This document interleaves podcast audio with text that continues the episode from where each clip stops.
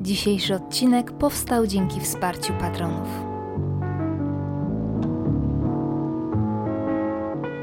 Cześć, to 77 odcinek bardzo brzydkiego podcastu. No powiem Wam, że przy tych dwóch odcinkach tygodniowo, a póki co udaje mi się trzymać planu, dosyć szybko dryfujemy w stronę setki. I muszę coś wymyślić na tę okazję, bo to będzie taka piękna, okrągła liczba, ale dzisiaj nie o tym. Dzisiaj postanowiłam nie uderzać jeszcze w poważne tony, jak to mi się zdarza we wtorki, tylko pozostać w klimacie e, zeszłotygodniowego słuchowiska. Do tego jestem e, w moim rodzinnym domku, w Krasnym Stawie, co też usprawiedliwia być może odrobinę gorszą jakość dźwięku. Nie wiem, jak to się nagra, ale przypuszczam, że będziecie słyszeli delikatny pogłos. Ale pomyślałam, że mam ochotę stworzyć coś takiego coś takiego do kawy, coś takiego, co po prostu będzie się miło słuchało, a wiem, że lubicie, jak po prostu opowiadam Wam różne sytuacje z mojej przeszłości, dlatego dziś będzie domowo. Ale to nie będzie odcinek o moim domu rodzinnym, tylko o miejscu, dla którego ten właśnie dom opuściłam już w wieku lat 16, czyli o Bursie, o Bursie Szkół Artystycznych w Lublinie. Będzie to opowieść po 10 latach od razu chciałabym zaznaczyć, więc najprawdopodobniej osoby, które mieszkają tam teraz, które zresztą serdecznie pozdrawiam, mogą dostrzegać pewne różnice, dlatego że nie mam kontaktu z nikim, kto obecnie zamieszkiwałby tamto miejsce, a jestem prawie pewna, że przez te 10 lat dużo się pozmieniało, ale to był, to był tak fantastyczny czas, który wspominam z takim rozrzewnieniem, że że po prostu chętnie się tymi wszystkimi obrazkami mojej pamięci z Wami dzisiaj podzielę. Zacznijmy zatem od początku. Dlaczego bursa? Dlaczego w ogóle podjęłam taką decyzję? Ano dlatego, że w gimnazjum wymyśliłam, że chcę zostać wielką artystką i iść do liceum plastycznego, bo oczywiście Chmielewska zawsze lubi sobie robić pod górę, albo mówiąc bardziej elegancko, kocham wyzwania. Z tego nie wyrosłam. No i w tym celu wybrałam Lublin. I powiem Wam, że nie wiem, dlaczego akurat to miasto, Chyba, chyba wynikało to z faktu, że często przyjeżdżaliśmy tam z rodzicami i po prostu wydawało mi się znajome. I w zasadzie tylko tam startowałam, nigdzie indziej w egzaminach wstępnych nie brałam udziału, dostałam się bez większego problemu, ale w praktyce oznaczało to, że moją rodzinną miejscowość, czyli Krasny Staw, i liceum znajdujące się w Lublinie dzieliło jakieś 50 kilometrów. No i nie wyobrażałam sobie takiej sytuacji, w której codziennie na przykład na godzinę, na godzinę ósmą dojeżdżam na zajęcia. No i szkoła oferowała możliwość mieszkania w bursie, więc postanowiłam z niej skorzystać. I tak naprawdę to nie był żaden mój kaprys, ani jakaś odosobniona decyzja, dlatego że tak w tym momencie trochę strzelam, ale tak mi się wydaje, że ponad połowa mojej klasy również bursę zamieszkiwała, bo większość z nas była z jakichś wsi i małych miasteczek w okolicach Lublina. I powiem Wam teraz tak kompletnie szczerze, tak z perspektywy czasu, że nie wiem, kurczę, czy do końca byłam na tak duży krok gotowa, bo te pierwsze tygodnie, w zasadzie miesiące, e, były dla mnie potwornie ciężkie. Warto zaznaczyć, co zresztą już Duża część z Was doskonale wie, że jestem wysoko wrażliwym, astrologicznym, mamin córeczkowatym rakiem. No i ten zestaw sprawił, że początki w bursie, no cóż, były nieco łzawe.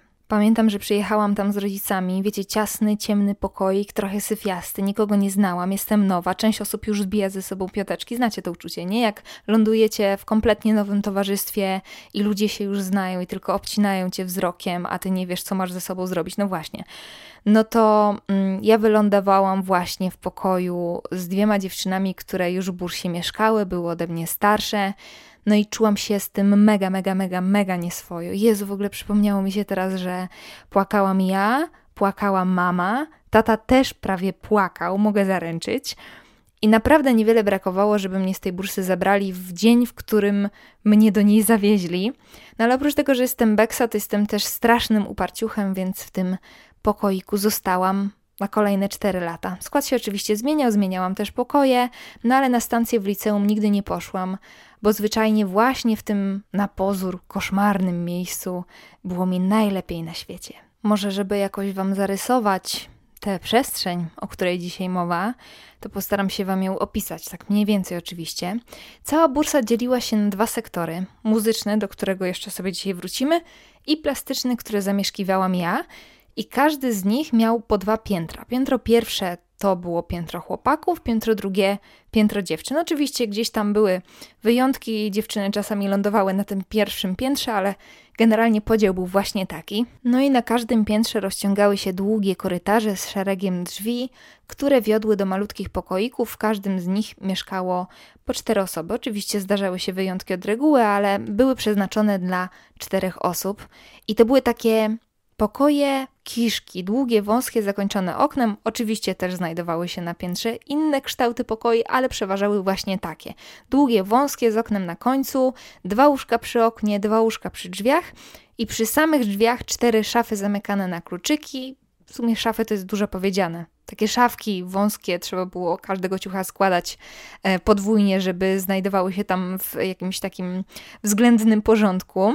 Między łóżkami przy oknie a łóżkami przy drzwiach stały dwa biurka, chyba, o ile pamięć mnie nie myli. Może mnie mylić, ale biurka chyba były dwa, takie małe, kwadratowe.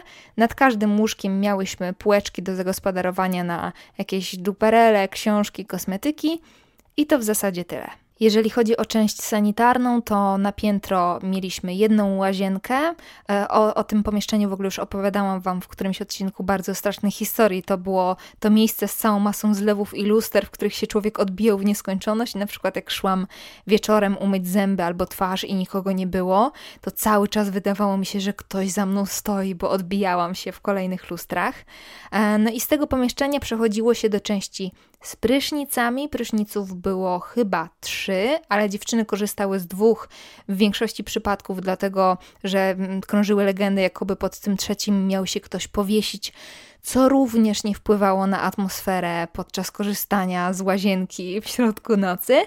Poza tym mieliśmy jeszcze trzy kibelki na piętro. I jestem prawie pewna, że teraz część z Was, która nigdy nie miała do czynienia z podobnymi miejscami i lubi wygodę, e, no trochę łapie się za głowę, jak sobie myśli o trzech kabinach prysznicowych i trzech toaletach na kilkadziesiąt osób, było nas chyba 60, 70 mniej więcej na piętrze. Ale powiem Wam kompletnie szczerze, że mi to jakoś na tamten czas zupełnie nie przeszkadzało. Po prostu czekało się na swoją kolej. W ogóle, według mnie, bursa uczy z jednej strony pewnego rodzaju pokory, ale takiej zdrowej pokory, nie że bycie ofiarą losu, absolutnie nie, tylko mm, może pokora to jest złe słowo. E, życia w grupie, o, umiejętności odnajdywania miejsca w grupie, a z drugiej strony pewnego rodzaju zaradności również uczy, jakiejś takiej jednak już asekurowanej dorosłości. I mówię tutaj o asekuracji nie bez powodu, dlatego że generalnie to nie był akademik, tak? Nie byliśmy tam puszczeni samopas. E, pokoje były dzielone na coś w rodzaju sektorów, każdy z nich posiadał swojego wychowawcę. To były w ogóle zazwyczaj przecudowne osoby. Mm, nie będę tutaj rzucać imionami ani ksywkami, chociaż nawet próbowałam sobie przypomnieć, że jestem fatalna w zapamiętywaniu nazwisk, w ogóle nazw. Ale mam wrażenie, a może po prostu, nie wiem, może mojemu rocznikowi się tak trafiło, ale mam wrażenie, że ci wychowawcy byli bardzo precyzyjnie dobierani, że nikt tam nie był z przypadku. I ja z pełną odpowiedzialnością mogę powiedzieć, że wychowawca zastępował mi w pewnym sensie rodziców. To znaczy, ja czułam bezpieczeństwo w związku z tym, że taka osoba jest i że mogę się do niej w każdym momencie zwrócić o pomoc. Do takich podstawowych obowiązków wychowawcy należało budzenie nas. Chyba o 6.30 albo o 7.00 wychowawca chodził po pokojach i sprawdzał, czy wszyscy już zwlekliśmy się z łóżek, z różnym skutkiem oczywiście, jak nie trudno się domyślić. E, sprawdzanie czystości w pokojach, sprawdzanie, czy wszyscy jesteśmy w tych pokojach o określonej godzinie, dlatego że mm, była taka zasada, że chyba po 22.00 już wszyscy musieli być we własnych pokojach, a nie gdzieś tam wędrować. To też udawało nam się omijać oczywiście, mieliśmy na to sposoby. No i generalnie robił wszystko to, co robiliby rodzice w warunkach domowych. Pisali też na przykład nam usprawiedliwienia. No, tych obowiązków było bardzo dużo, no i miało to na celu po prostu zapewnić nam bezpieczeństwo w bursie. I powiem Wam szczerze, że jak sobie człowiek tak myśli o tej sytuacji, mm, nie będąc tam, nie żyjąc tam, no to może dojść do wniosku, że to jest taka obca osoba, która uzurpuje sobie prawo do rozkazywania Tobie i odgrywania roli rodzica, pomimo tego, że tym rodzicem nie jest. Ale ja się strasznie przywiązywałam do wszystkich moich wychowawców i pamiętam ostatni dzień w bursie, kiedy się już wyprowadzałam, no bo skończyłam liceum jak po prostu płakałam i moja wychowawczyni też płakała i tak sobie razem płakałyśmy, bo to było po prostu poczucie autentycznego rozstania z osobą, którą uwielbiasz. No tak to po prostu działa. Jak się cztery lata mieszka w jednym miejscu i codziennie widzi się tą osobę, no to, no to po prostu później trochę ściska cię ta sytuacja za gardło. Pozostając jeszcze na chwilę przy zagadnieniu, jak ja to sobie nazwałam, asekurowanej dorosłości, to mieliśmy w bursie stołówkę i obowiązek wykupienia posiłków. Wyglądało to tak, że na początku miesiąca po prostu wpłacaliśmy pieniądze i dostawaliśmy taką karteczkę, wiecie, śniadanie, obiad, kolacja, śniadanie, obiad, kolacja z datami. Już nie pamiętam dokładnie, jak to wyglądało, ale generalnie te karteczki się obrywało, dawało się w okienku i w zamian otrzymywało się posiłek. Jedzenie na stołówce było, mm, jak sama nazwa wskazuje, mocno stołówkowe, to znaczy było to po prostu powtarzalne menu z potrawami, które albo się lubiło, albo po prostu się jadło, albo zjeść się kompletnie nie mogło i te niejadalne e, posiłki oddawaliśmy chłopakom, bo oni jedli absolutnie wszystko, albo właśnie przypomniało mi się, że w bursie nauczyłam się jeść ketchup dosłownie ze wszystkim, e, dlatego że te gorsze mm, w smaku potrawy po prostu szczodrze polewaliśmy ketchupem i wtedy były odrobinę bardziej jadalne. E, mówię o tym dlatego, że kiedyś na Instagramie pojawił się, pojawiło się jakieś moje story, e, w którym jadłam coś już z przyzwyczajenia po dziś dzień z ketchupem. No i rozgorzała dyskusja na ten temat i jednogłośnie stwierdziliście, że tego się z ketchupem jeść nie powinno. No ja jem po prostu siła przyzwyczajenia. Wciąż niektóre rzeczy, pomimo tego, że już są zupełnie inne w smaku i zupełnie innej jakości, to wciąż są przeze mnie pochłaniane właśnie z ketchupem. I nie jestem z tym odosobniona, dlatego że wtedy właśnie na tym story e, tłumaczyłam Wam, z czego to wynika, i mm, byli mieszkańcy burs internatów stwierdzili, że mają dokładnie tak samo z tego samego powodu.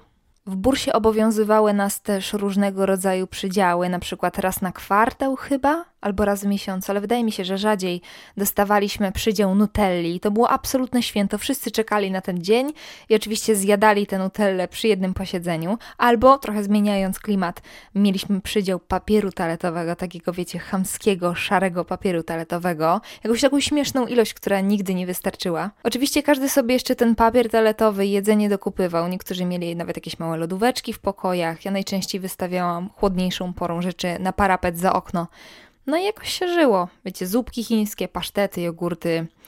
Przypomina mi się, jak byłam niektórymi wieczorami tak strasznie, strasznie głodna, bo generalnie o 21.30 chyba, albo o 22.00 był zakaz absolutny wychodzenia poza teren bursy. Po prostu była zamknięta na klucz. E, I jak nie było nic do jedzenia, no to wyjścia wtedy były trzy. Albo się łaziło po pokojach i żebrało, albo wymieniało coś na coś, albo jadłam łyżkę cukru, która zabijała ssanie w żołądku przynajmniej na jakiś czas, albo szłam do stołówki, która była już nieczynna, to znaczy była otwarta, ale mm, już jedzenie nie było wydawane. W zasadzie to nie wiem, po co wam to mówię. Ale w okienku, tam gdzie się te posiłki oddawało, to znaczy brudne talerze, czasami jeszcze leżało jedzenie. No i czasem ktoś zostawiał na przykład całą bułkę, albo całe jajko, albo kilka plasterków żółtego sera, albo nieruszony jogurt. No i resztę możecie sobie dopowiedzieć sami. Taka mini walka o przetrwanie w bardzo kontrolowanych warunkach. Oczywiście nikt z głodu nie umierał, nikomu krzywda się nie działa, no ale jak ktoś sfrajerzył i nie zaopatrywał się w odpowiednią ilość jedzenia, to po prostu trzeba było kombinować. Pewnie nie wszyscy tak robili, ja tak robiłam. Nie za specjalnie się tego wstydzę, chociaż z perspektywy czasu wydaje mi się to trochę dziwaczne i śmieszne. No ale co się miało marnować? I tutaj w zasadzie temat stołówki mógłby się urwać i mogłabym się ograniczyć tylko do opisu tej jej podstawowej funkcji, ale to nie było wszystko. Dlatego, że pełniła również wieczorami y, rolę miejsca spotkań, bo generalnie można było się tam uczyć. To znaczy, można było wieczorem tam przyjść, dlatego że w pokojach było bardzo mało miejsca, dwa albo jedno, już nie pamiętam, dwa albo jedno biurko, cztery osoby. Najczęściej, jeżeli się chciałaś, chciałeś uczyć w pokoju, no to niszczyłeś sobie swój młody kręgosłup siedząc na łóżku. No a na taką stołówkę można było pójść, bo przecież była cała masa stolików.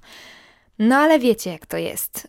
Kilkanaście lat fajne chłopaki ze szkoły muzycznej, burza hormonów. Zwykle ta nauka kończyła się tym, że się przynosiło książki, te prace domowe, to wszystko, ale do większości rzeczy nawet się nie zaglądało, bo było się zajętym łypaniem na tego lub tamtą. E, bo generalnie sektor plastyczny to były same baby.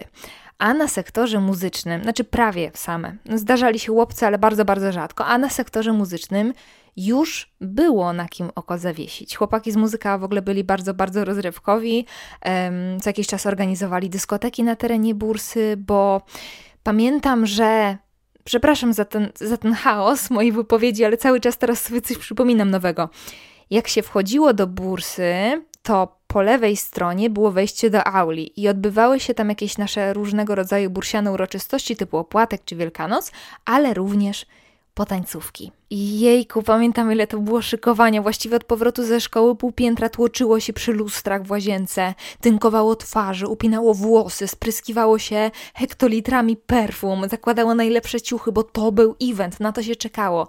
I pomimo mojej głębokiej niechęci do disco polo, które zwykle panowie z wykształceniem muzycznym nam serwowali, nie mam zielonego pojęcia jak to się działo, no ale disco polo królowało na tych imprezach, to ja po prostu uwielbiałam te wieczory, uwielbiałam. W auli panował potworny zaduch, prawie nic nie było widać i było najlepiej na świecie.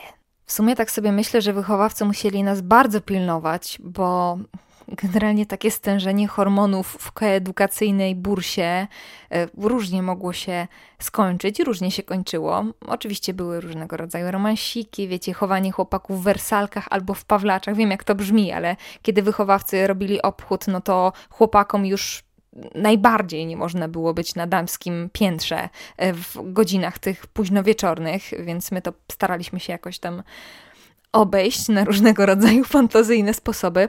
Generalnie było śmieszne, śmiesznie, ale ja, ja, nigdy jakiejś takiej bliższej, poważniejszej relacji z żadnym z moich bursianych obiektów westchnień nie nawiązałam.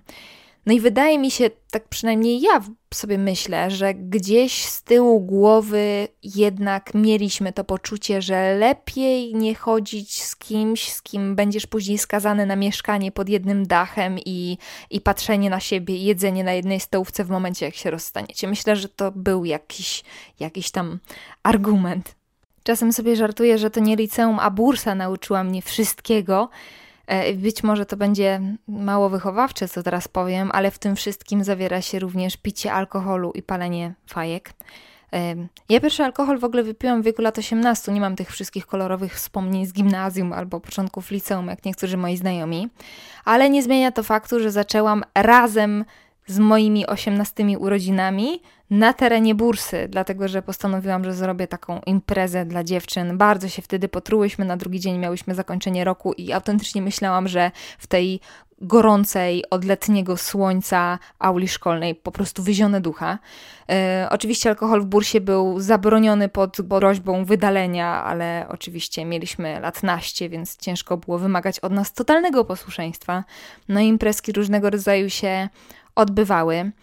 Papierosy paliliśmy albo za szkołą muzyczną. E, ci, którzy wiedzą, jak wygląda szkoła muzyczna, no chyba, że coś zostało przebudowane, ale za moich czasów szkoła muzyczna lubelska wyglądała tak, że składała się z takich modułów, więc łatwo było się tam schować. No, albo bezpośrednio w bursie, co było już trochę bardziej karkołomnym przedsięwzięciem, ale w ogóle nie zapomnę, jak zamykałyśmy się we trzy w ostatniej kabinie kibelka, gdzie było okno i machałyśmy papieroskami do chłopców z sektora muzycznego, którzy też upakowani w tą ostatnią kabinę z oknem udawali dorosłych, tak samo jak my. O, albo przypomniało mi się, jak paliłyśmy właśnie takie upchnięte w tym ostatnim kiblu papieroski, wchodziła sorka, to było nasze potoczne określenie na wychowawczynię. No i wiecie, czuć te fajury pewnie strasznie, nie? Całe, całe pomieszczenie w dymie. Wychowawczyni doskonale wiedziała, co się święci, oczywiście, no znaliśmy się nie od dziś. Zapadała przyszywająca cisza. Sorka podchodziła do tej ostatniej toalety i krzyczała: Wyłaście, wiem co tam robicie, raz, dwa, nie? Takie tam. I wtedy słychać było z kibla tylko jeden teatralnie obruszony głos koleżanki: Sorko, muszę się skupić, proszę, niech Sorka do mnie nie mówi teraz. No i w końcu wychowawczyni dawała za wygraną, ale i tak w kwestii papierosów odbywała się u nas wojna podjazdowa. W ogóle pamiętam, jak któregoś dnia te mm, wizytacje toaletowe ustały, jakoś tak się dziwnie zrobiło spokojnie i nagle w tej naszej prowizorycznej palarni pojawił się duży słoik z wodą. Miałyśmy takie, uuu, luksusy, popielniczka. No i okazało się po pewnym czasie, że wzięłyśmy zupełnie nieświadomie udział w akcji społecznej, bo te słoiki, które jak się okazało były porozstawiane na każdym piętrze, stanęły y, y, zaraz przy wejściu do bursy y, z jakimś takim szumnym hasłem typu tak wyglądają teraz twoje płuca. Także dałyśmy się urobić. Nie, ale na serio nie palcie. To jest cholernie głupi nawyk, co nie zmienia faktu, że właśnie z nim mam całą masę śmiesznych wspomnień, ale nie warto, czy tak, czy siak. No cóż, no nieźle się mieli z nami wychowawcy, ale gdzieś mam też poczucie, że oni doskonale wiedzieli, z kim mają do czynienia. Że oprócz tego mm, nastoletniego nieposłuszeństwa, też środowisko, w jakim się obracaliśmy, trochę nas pewną wywrotowością zarażało. E, wszystko robiliśmy po swojemu i trochę dlatego, że to była kwestia naszego charakteru, trochę kwestia wieku, a trochę dlatego, że no, część z nas już sobie ubzdurała w tym ja, że jesteśmy wielkimi artystami i, i robiliśmy po prostu głupoty. I wiecie co? Tak naprawdę niczego nie żałuję, chociaż wiem, że to, co teraz powiedziałam, również do wychowawczych nie należy. Chociaż wiecie, tak z drugiej strony, bo mówię, że to jest niewychowawcze, ale tak naprawdę cała ta przygoda była bardzo wychowawcza. Ta, to udawanie dorosłego, to robienie głupot, ta cała bursa, to wszystko, co się zawierało w życiu w grupie, było mi bardzo, bardzo potrzebne, dlatego że mam w sobie te mamin córeczkowatość, o której już tutaj wspominałam, i ona była w dalszym moim etapie życia, którym były studia i totalne odklejenie do, od domu, dużą przeszkodą. I wiem, że gdybym nie zaliczyła tego etapu w postaci tej trochę udawanej, asekurowanej samodzielności, to byłoby mi jeszcze trudniej. Nawet nie jestem w stanie sobie wyobrazić, jak byłoby mi wówczas trudno. E, a ten, ten czas bursy jednak mnie trochę do tych dalszych etapów przygotował. Tak mi się wydaje. Powiem Wam, że jest kilka takich elementów bursianego życia, których nigdy nie zapomnę. Pierwszym z nich, o którym już wspominałam, to poranna i wieczorna toaleta. Generalnie wiązało się to z czekaniem i ze staniem w kolejkach. I w takiej kolejce pod prysznic można było poplotkować, pogadać, pouczyć się. Jak mieliśmy na przykład jakieś sprawdziany na drugi dzień, to po prostu potrafiliśmy zakuwać w tych kolejkach. No i kolejkę można też sobie było zaklepać i szło się robić swoje rzeczy do pokoju. E, I dochodziło do takich śmiesznych sytuacji, że czasem w kolejce stały trzy osoby i nagle okazywało się, że pomiędzy jedną a drugą są cztery widma na przykład, które siedzą w pokojach i też czekają na swoją kolej. Ja miałam na przykład patent polegający na tym, że korzystałam e, z pryszniców albo bardzo wcześnie, zanim ta kolejka się uformowała, albo bardzo późno. No ale tak jak mówiłam, bardzo późno prysznic brało się już z duszą na ramieniu, bojąc się tego mitycznego wisielca, który gdzieś tam czaił się za rogiem. Ale już pomijając całą tą legendę, to i tak uważam, będę się upierać, że bardzo dziwna atmosfera panowała właśnie w tej przestrzeni i chyba każda osoba, która tam kiedykolwiek mieszkała, jest w stanie przyznać mi rację. Ach, no i tłok robił się też y, przed wspomnianymi już dyskotekami, bo łazienka zamieniała się wówczas w salon piękności.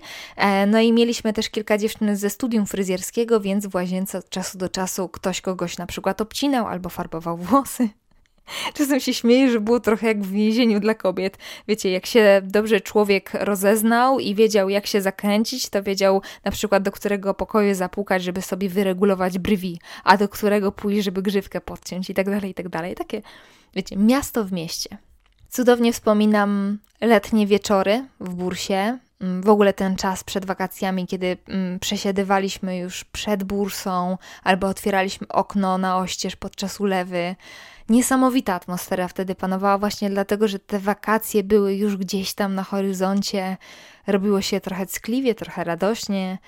E, tak naprawdę po dziś dzień jestem w stanie przywołać sobie bardzo dokładnie ten czas robienia generalnych porządków w pokojach, pakowania rzeczy, pożegnań, jakiejś takiej radości, przepełnionej tym zapachem lata. Dobra, wystarczy, bo już zaczynam odpływać w jakieś poetyckie tony. Mam też słabość do wspomnień o nieprzespanych nocach, kiedy pod koniec semestru zamykaliśmy się w pracowniach, albo generalnie jeszcze nie wspomniałam o tym, że każdy sektor posiadał chyba jedną pracownię. W sektorze muzycznym była to e, pracownia muzyczna, a u nas to był taki pierdolniczek, taka, takie miejsce bardzo brudne i nieuporządkowane, gdzie dowoli można było rzeźbić w glinie, malować i po prostu paskudzić.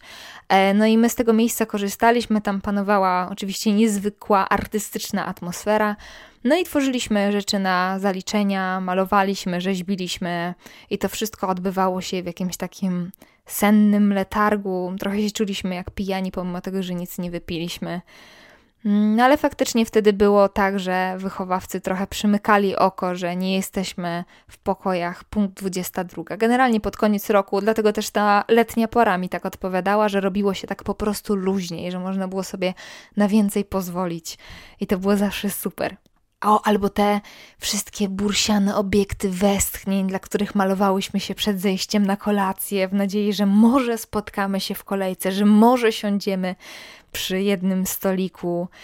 O, Zawsze ta kolejka zakręcała, jak się człowiek spóźnił, a ostatni nieszczęśnicy w ogóle nie dostawali czasami rzeczy, które były reglamentowane. Na przykład rano nie było już płatków do mleka i trzeba było się zadowolić tylko kanapką.